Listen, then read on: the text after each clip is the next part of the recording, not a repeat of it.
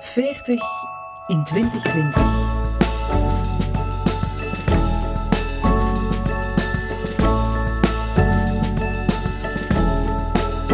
Ik ben Lotte en vanuit Marrakesh in Marokko maak ik deze podcast. Mijn wieg stond 40 jaar geleden wel in België, in Merksem. Ik vermoed vlak naast de radio, want ik herinner me dat in ons huis de radio altijd opstond. Ik luisterde elke woensdag naar Kattenkwaad en mocht zelfs eens naar de BRT radiostudio. Op mijn achttiende ging ik radio studeren aan het Rits. Daar, en toen ik nadien quasi twaalf jaar voor FM Brussel werkte, leerde ik de magie van radio echt kennen en kreeg er meteen een uitgebreid netwerk van boeiende vrienden bij. Door een hoop andere passies en avonturen blande ik nu met een eigen via-via reiscafé in Marrakesh. En toch wil ik op mijn veertigste die allereerste liefde koesteren met deze podcast. Dit is 40 in 2020.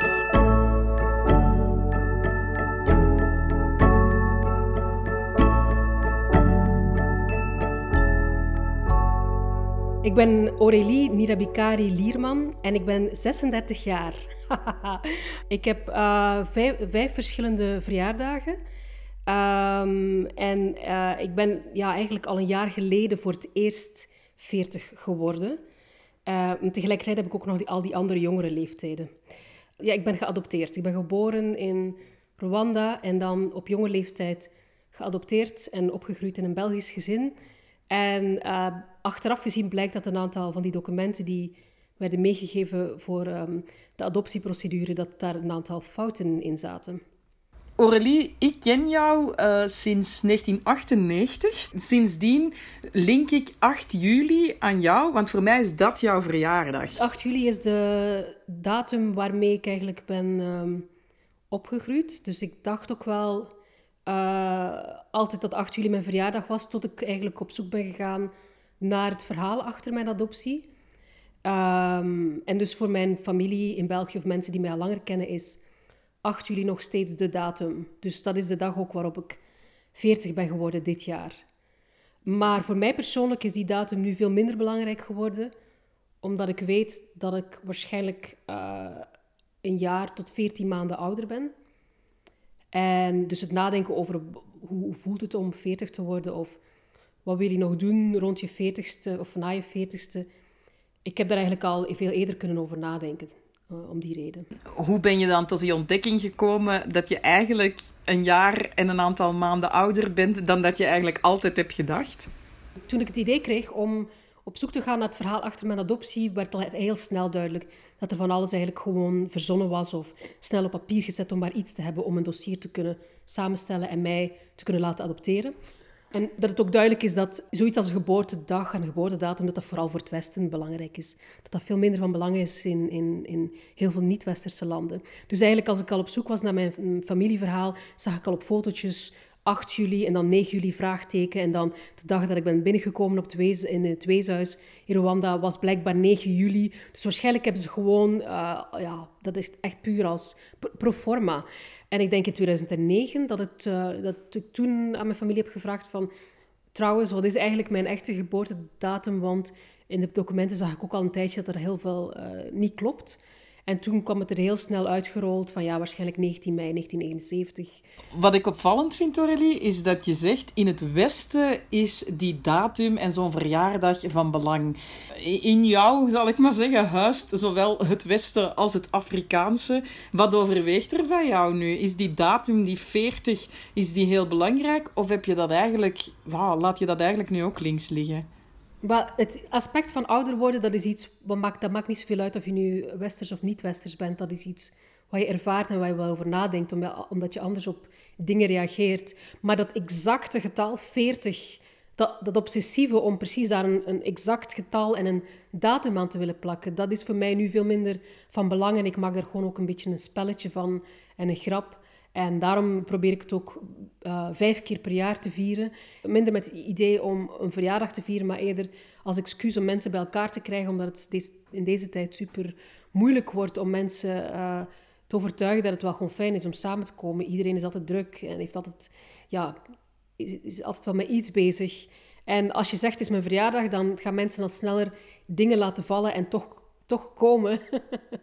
dus ik zie het eigenlijk als een soort van uh, sociaal project om mensen bij elkaar te krijgen. En uh, wat ik ook fijn vind aan meerdere verjaardagen hebben, voor mij gaat het minder om de leeftijd, maar eerder om het is een moment om eventjes stil te staan bij wat heb ik ervoor gedaan en ben ik daar tevreden mee en wat wil ik in de toekomst misschien anders of beter of gewoon op dezelfde manier blijven doen. En het is net dat wat we in deze 40 in 2020 podcast doen. Terugblikken op wat er al was en vooruitblikken op wat nog komt.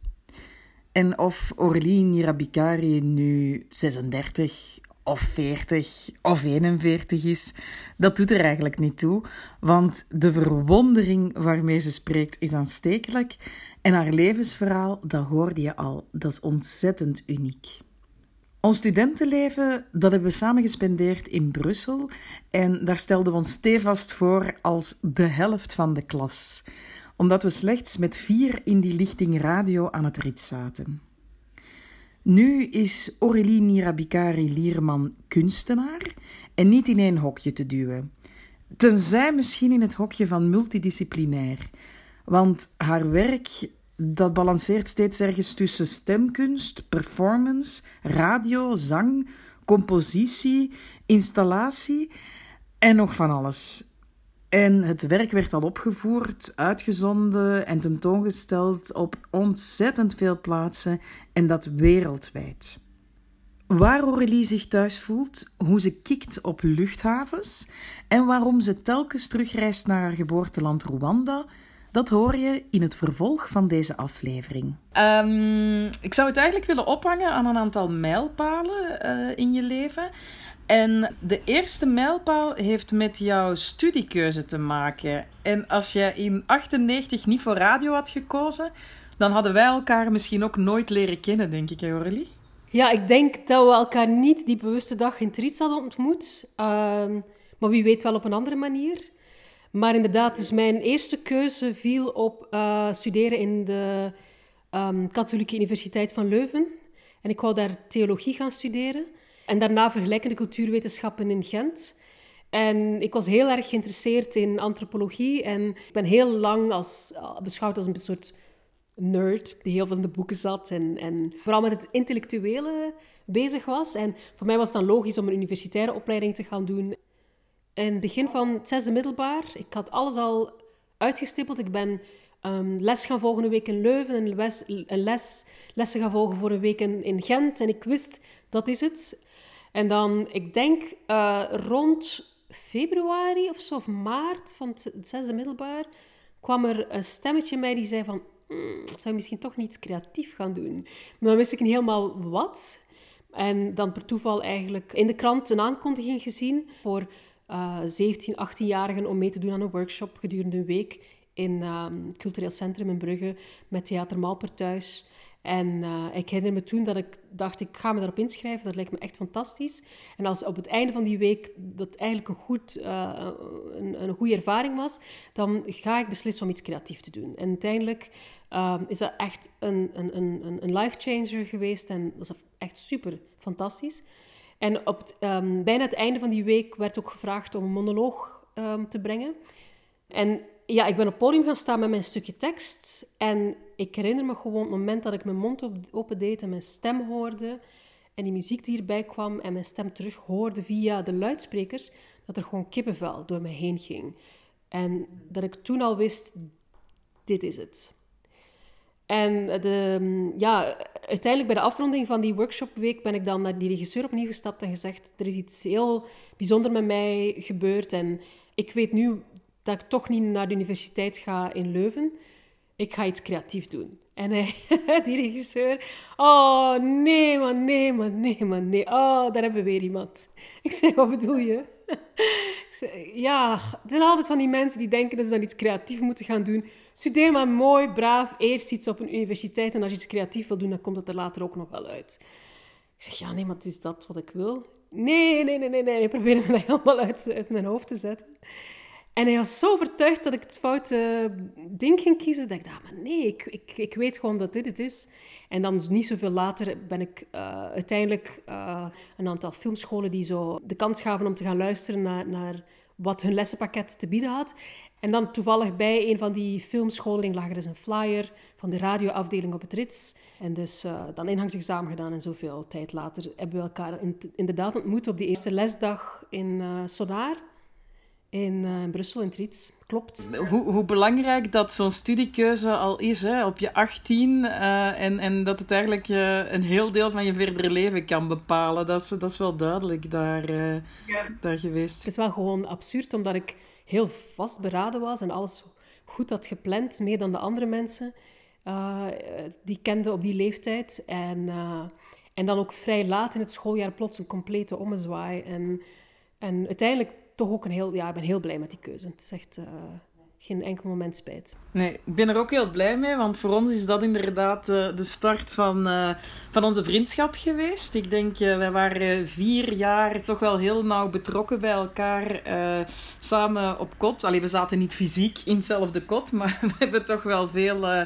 in Brussel gedeeld. Um, ook samen ja. heel wat ja, werkjes gemaakt voor school. Hè. Dat waren dan schoolwerkjes, maar dat waren natuurlijk ja, grote dingen ook. Hè. De opening van het SMAK is zo een van de legendarische uh, reportages die we hebben gemaakt. Ja, die zou ik graag nog eens terug horen.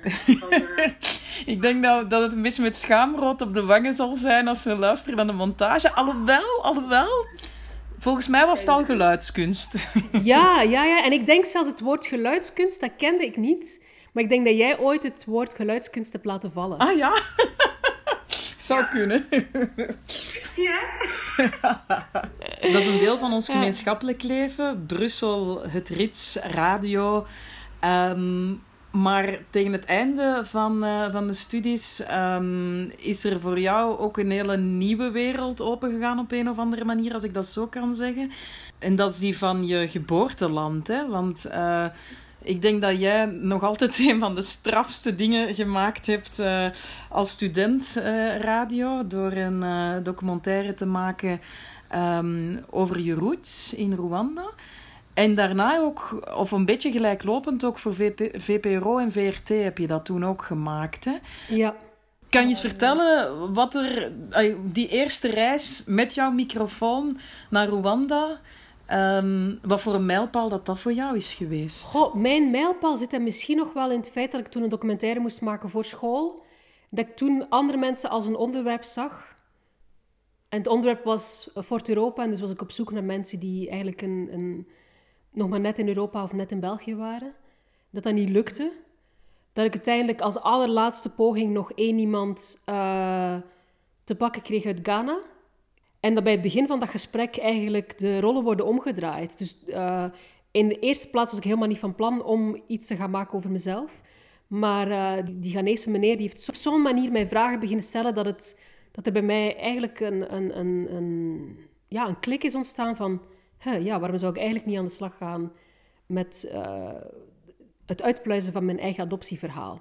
Toen in het Riets heb ik een documentaire gemaakt over, over het deel in België, waarbij ik eigenlijk op zoek was naar Um, welke documenten zijn er en wie is er in België aanwezig om mij een deel van het verhaal al te kunnen uh, vertellen? En toen bleek dat er eigenlijk dat er wel hier en daar een beetje informatie was, maar de essentiële informatie volledig ontbrak. En dat ik daarvoor echt wel het vliegtuig op zou moeten naar Rwanda. En dat is iets wat voor mij daarvoor echt nooit uh, iets was waar ik mee bezig was. Dat was eerder... Uh, als mensen vroeger zouden vragen van... wil je nog terug naar je land? dan wil ik ze meestal gewoon doorheen schudden van... Wat bedoel je nu weer al? Dus uh, nadat ik deel 1 had gemaakt... had de VRT en de VPRO mij gevraagd om deel 2 te maken... en dus effectief het vliegtuig op te stappen naar Rwanda. Um, en ik ben toen nog wel altijd vertrokken van, uh, met het idee van... Ik heb niks te verliezen. Ik zal het doen ook omdat ik eigenlijk, eigenlijk niks te verliezen heb. Uh, omdat ik al wist uit mijn adoptiedossier, en dan ben ik ook, met die informatie ben ik ook gewoon opgegroeid, uh, wist ik dat ik een weeskind ben en uh, enig kind. En um, ja, er was eigenlijk puur op, op basis daarvan zou je denken dat er eigenlijk niet zoveel te rapen valt. En daarom heb ik ook mijn hele leven... Ik ben altijd gewoon blij geweest met het leven dat ik kende in België. En... Um, was nooit op zoek naar meer. Ook al probeerden mensen dat wel zo een beetje zo aan te praten van uh, dat je op zoek gaat naar je roots en dat je... Um, ja, voor mij was het allemaal een beetje ja, abstract. En uiteindelijk ja, ben ik het vliegen opgestapt, zonder veel verwachtingen. Lang verhaal kort ben ik uh, bij het weeshuis uitgekomen, waar ik ooit uh, dus vertrokken ben voor adoptie, richting België. En met mensen van het weeshuis ben ik richting het gebied gegaan waar mijn familie vandaan komt. Op de dag zelf, die eerste dag al dat we erop uitgingen, meteen familie ontmoet. Tantes en neven en nichten. En dan na drie weken kreeg ik het verhaal te horen dat ik geen weeskind zou zijn, maar dat dus mijn, dat, dat, dat mijn moeder er nog zou zijn. En uh, sterker nog, dat ik dus de voorbije drie weken dat ik daar rondliep, eigenlijk um, die ook had gezien en dat dicht bij in de buurt was geweest. En dan op een bepaald moment heeft mijn oom mij ook verteld van... Um, um, eigenlijk in, zit het zo, zul je de waarheid vertellen, jouw moeder die, uh, die zit nu heel dicht bij jou in de buurt. Uh, ze zit eigenlijk vlak naast je, zit in dezelfde ruimte als jou. Dus die tante waarmee je denkt dat je vandaag op stap bent gekomen naar mij, op bezoek bent gekomen naar mij, dat is jouw moeder. Um, dus plots, uh, ja, is, is heel mijn, mijn, mijn nou, wereldbeeld is misschien niet ding, maar mijn, mijn eigen levensverhaal is compleet uh, onderuit gehaald. Mm -hmm. En uh, dan niet zo heel lang daarna ben ik ook gaan vragen van, ah ja, maar wacht eens even, als ik zo zeg in de papieren geen vader heb, wie is dan mijn uh, vader? En dan niet zo heel veel later heb ik dan ook uh, ontdekt dat hij dus niet gestorven is, maar, um, uh, en niet onbekend is, maar dus toch wel nog in levende lijven en dat ik die mocht gaan opzoeken als ik die wilde. En dus heb ik dan op heel korte tijd ook mijn vader ontmoet en ja, plots was ik een ex-weeskind. Um, en in plaats van een enig kind heb ik nu 26 broers en zussen. En uh, de verjaardag uh, die ik gekend heb uh, als zijnde 8 juli 1980, dat werd ook dan onderuit gehaald. Um, ben ik blijkbaar ook waarschijnlijk ouder. Van een keerpunt gesproken. Ja, ja, ja. Ik bedoel, um, ik ken daarvoor ook niks over Rwanda. Echt niks, niks, niks, niks, niks. Uh, ik denk ook dat ik zelfs nog de hoofdstad moest opzoeken voordat ik die reis begon te plannen. En ja, ik ben opgegroeid in, in het middeleeuws Brugge. Compleet, compleet uh, verschillend van uh, de plek waar ik geboren ben. Dat is de Karisimbi-vulkaan in Rwanda. dat is dan in het noorden, op de grens met Congo en, en, en Rwanda. En ja, dat is, dat is compleet uh, landbouwgebied. En, en nu is het al een stuk veranderd sinds die eerste reis. Maar daarvoor was er geen elektriciteit. Um, nu is er al hier en daar wat elektriciteit. Uh, niemand die telefoon had. Uh, er was toen ook nog wel heel weinig internet en moest je ook al wat moeite doen. Um, maar zelfs vergeleken met hier was het echt, ja, je gaat echt naar de middle of nowhere. Mensen die, mijn familie die, die leeft als landbouwer. Er is al heel veel veranderd sinds mijn eerste reis, dus ik probeer um, dat ook wel correct mee te geven. Maar toen kenden ze eigenlijk alleen maar wat er gebeurt in dat dorp. En hun levensstijl rond dingen cultiveren en uh, ja, aardappelen uit de grond rooien en, en boontjes doppen. En het leven in en met de, de, de, de natuurcycli. Dus uh, ja, dat is, dat is, niet te vergelijken met het... Uh... Met het bruisende Brussel waar jij toen van kwam ondertussen. Dat, het bruisende Brussel en het neogotische en, en uh, middeleeuwse Brugge. Dat is, het kan gewoon niet meer verschillen. Dus voor mij ja, is dat even aan, eventjes aanpassen. Gewoon ontdekken, wat, wat, zit er dan nog meer allemaal achter qua, qua verhaal. En dat is niet in één reis op te lossen of allemaal uit te pluizen. Dus zo ben ik heel veel meer reizen verder. Daarnet zei je, je moest eigenlijk zelfs nog opzoeken dat Kigali de hoofdstad van Rwanda is. Nu zit Rwanda, naar mijn gevoel, zo hard in je leven, zo hard in je werk ook. En um, daar is die band met een deel van de familie toch, en zeker ook met je grootvader, speelt daar toch een heel grote rol in. En dat vind ik eigenlijk wel frappant, hoe die evolutie de laatste jaren bij jou um, gebeurd is. Um, je kan dat niet meer wegdenken gewoon, toch? Uh, sinds die eerste keer misschien dat je bent geweest. Hm, kan ik dat wegdenken? Dat is, dat is een keuze hè, die je maakt. Dat is een keuze die je maakt. Er zijn mensen die één keer gaan naar Rwanda en die dan nooit meer teruggaan. Mm um, dat, is dat is meestal als je ook uitgaat van het idee, ik wil daar iets precies uithalen. En dat zit er dan niet in en dan ga je niet meer terug. Terwijl ik ben teruggegaan zonder te weten wat ik zocht. Uh, de eerste keer dan mijn, mijn familie en mijn ouders ontmoet. Per toeval en, en, en puur geluk. En dan zoveel x aantal reizen opnieuw. Ook zonder dat ik het verwachtte, mijn grootvader ontmoet. Want daarvoor wist ik ook niet echt van zijn bestaan. Dus het heeft ook te maken met een soort ontvankelijk zijn voor wat er ook op je pad komt.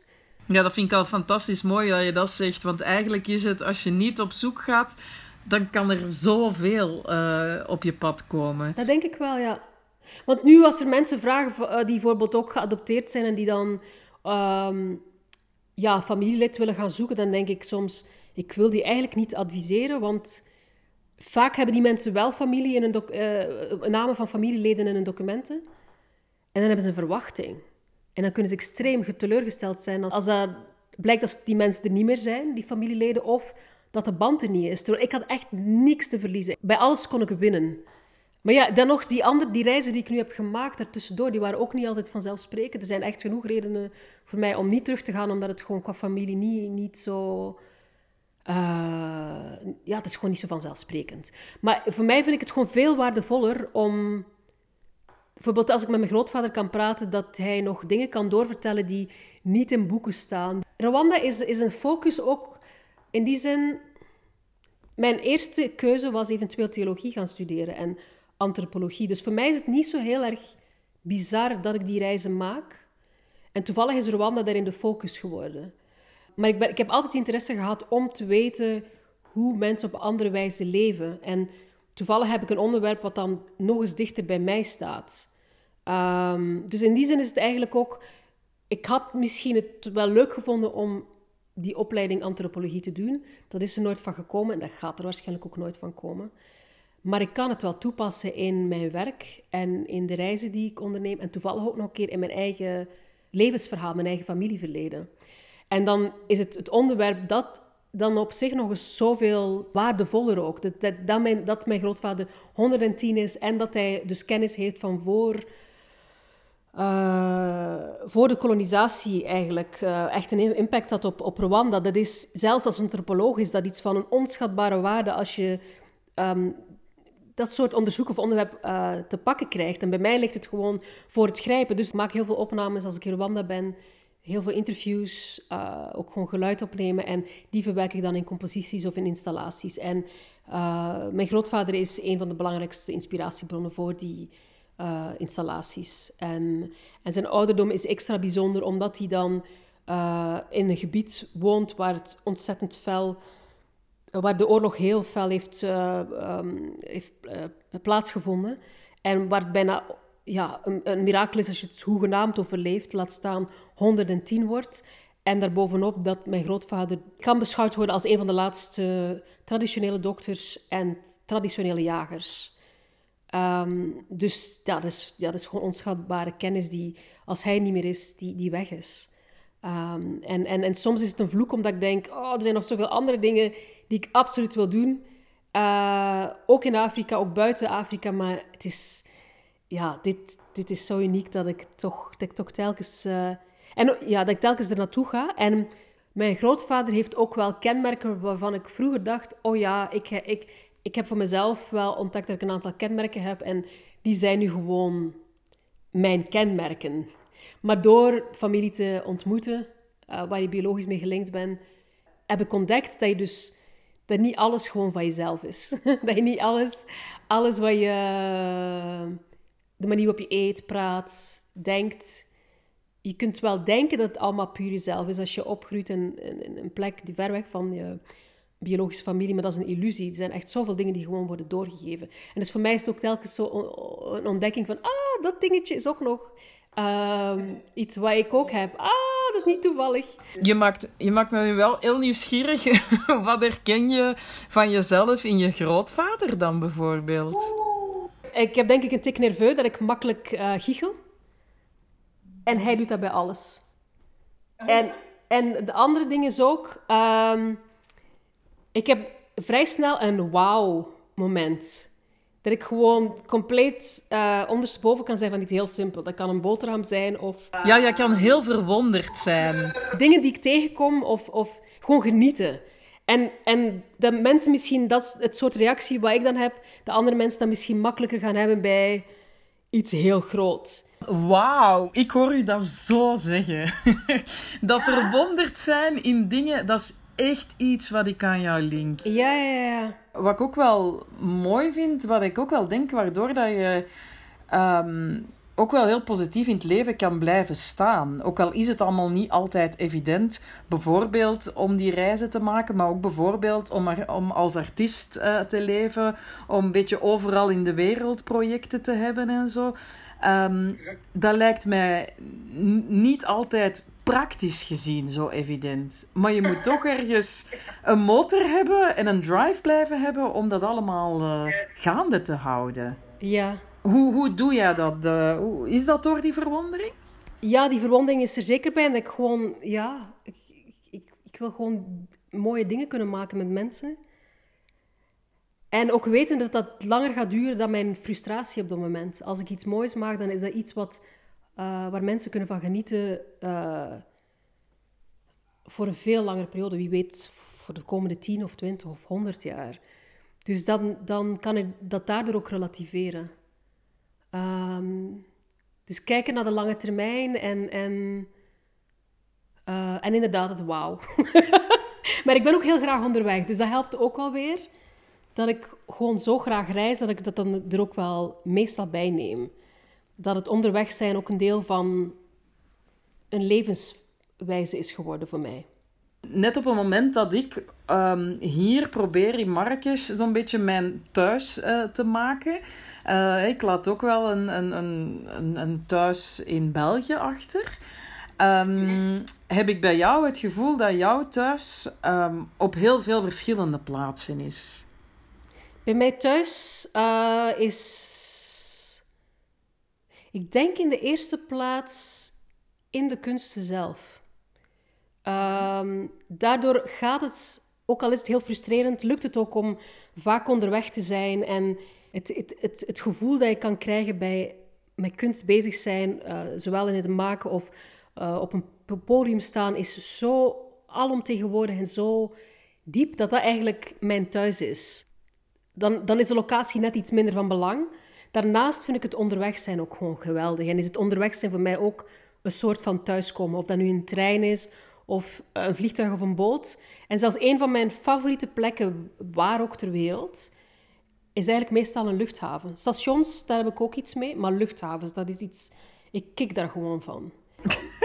Uh, Wat vind je daar zo op kikken? Veel mensen willen daar niet, liefst niet te lang uh, doorbrengen.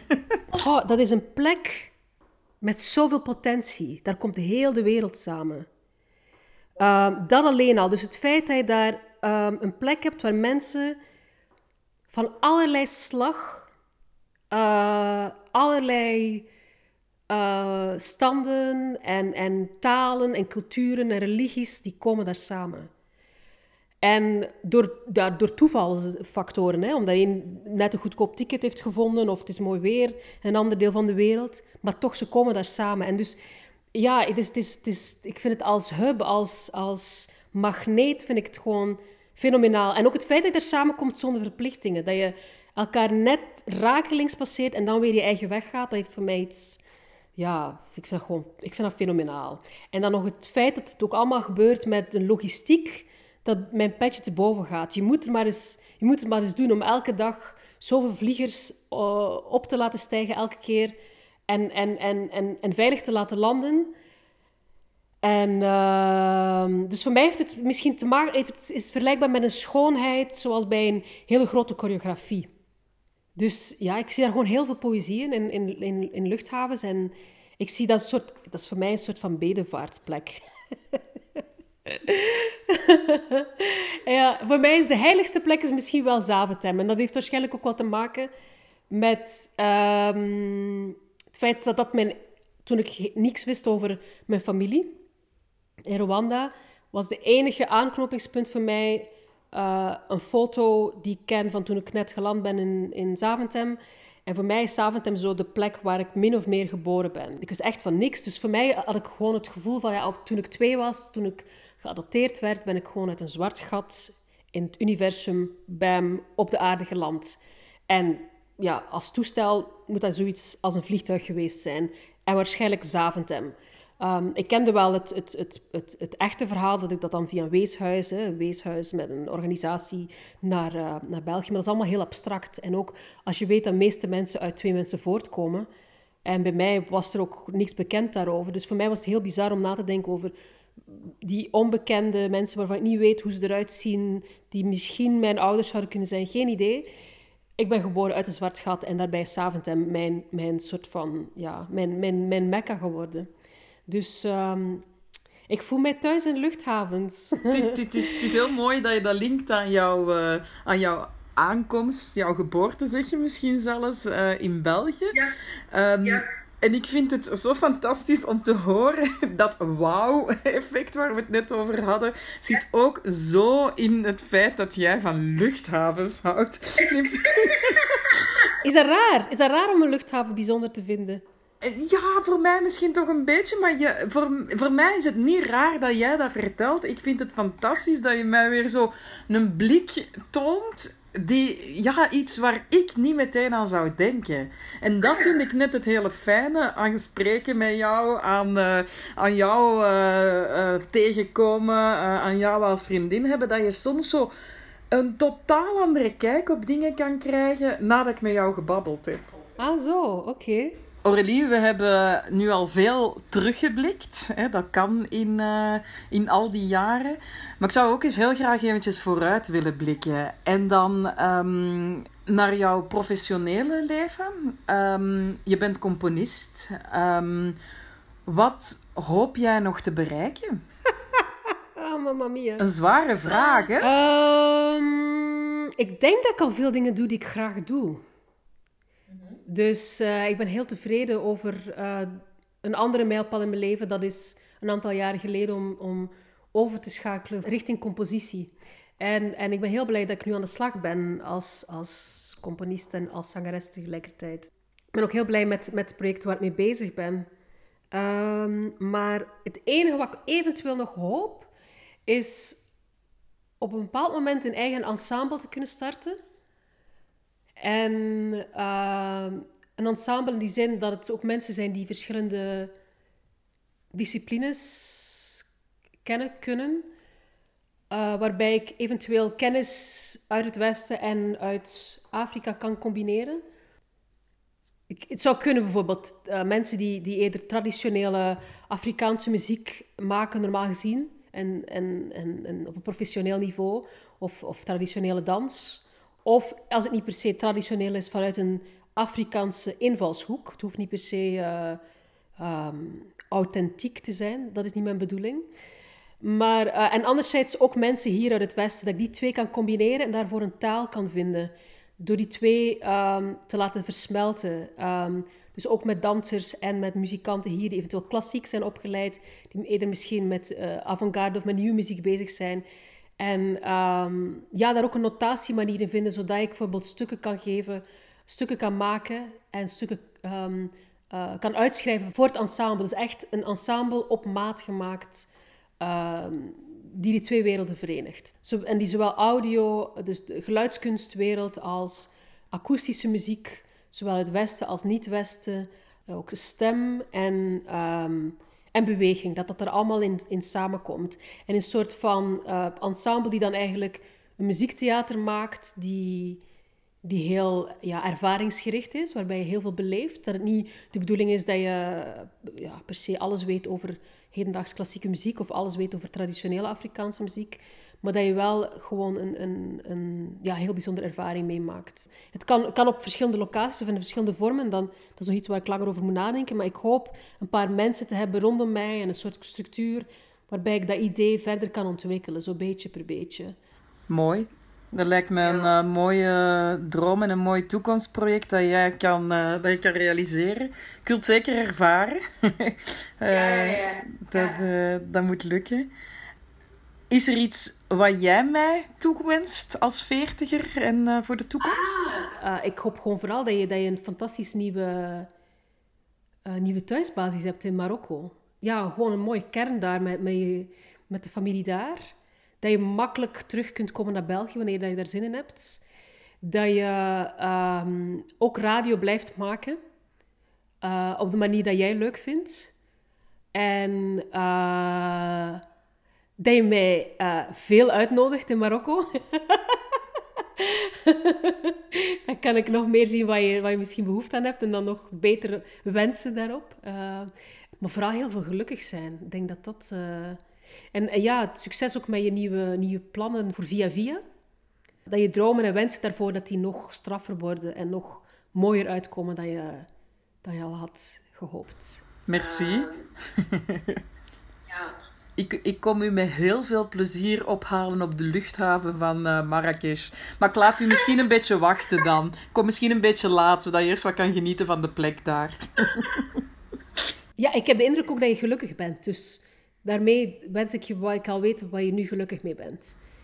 Dat is mooi dat je dat zegt. Ik heb dat gevoel ook bij jou. Je zei dat er net ook zelfs letterlijk. Van eigenlijk ben ik heel blij en tevreden met wat ik nu heb. Jij zei het over je professionele projecten. Um, ik heb heel erg het gevoel dat dit moment in mijn leven, ons leven misschien, um, dat je beslissingen kan nemen waar dat je sneller goed bij voelt dan een aantal jaar geleden? Ja, ik denk dat, je, dat ik nu minder afgeleid ben door dingen die minder belangrijk zijn. Tegelijkertijd probeer ik ook uh, ervan bewust te zijn dat je op je veertigste ook al soms wat langer nadenkt voordat je een stap zet. En dat dat soms goed is, omdat je dan niet blindelings ergens aan begint en dan achteraf spijt hebt over, uh, over hoe mensen je behandelen of of het project wel geschikt is voor jou of, of, of uh, de vriendenkring waar je mee te maken hebt wel geschikt is voor jou. Um, anderzijds vind ik het ook heel belangrijk om die periode waarin dat wij elkaar hebben leren kennen, toen dat wij 18 waren, en voor mij persoonlijk de, de, de energie die ik me herinner van toen ik 25 was. Er zijn een paar momenten nog in mijn leven, 18, 25, 29, waar ik weet, ik heb toen een aantal belangrijke stappen gezet en, en beslissingen genomen, en zonder veel na te denken. En de energie die daaruit vrijkwam, dat ik die ook probeer terug op te roepen als ik ergens te lang over twijfel. Dus het is een deel een balans en het is fijn om heel veel, heel veel um, ervaringen rijker te zijn, om sneller te kunnen zien van dit wil ik, dit wil ik niet. Maar vooral ook jezelf niet in de weg zitten van, oh ja, ik heb dit al ervaren, en dan daardoor dingen al af te blokken voor het een kans te geven. Daar probeer ik ook wel alert voor te zijn, dat je als je ietsje ouder wordt, dat je al makkelijker al zegt, oh nee. Dat, je zelf eigenlijk kansen uh, ontzegt. Um, en, en af en toe nog die oude energie of die jonge energie van vroeger terug aan te boren. Dus uh, dat is ook iets wat ik hoop voor de toekomst. Ik uh, denk dat dat bij jou geen probleem gaat zijn, Aurélie. Als jij wauw kan blijven zeggen, dan uh, ziet die toekomst er fantastisch uit. Net als je leven nu. Hè. Ik wens je het aller, allerbeste. En ik kijk er heel erg naar uit om je hier in Marrakesh ook te ontmoeten. Yes, doen we afspraak in Afrika. Merci voor de babbel. Ja, merci ook voor jou. Merci voor de uitnodiging en de eer.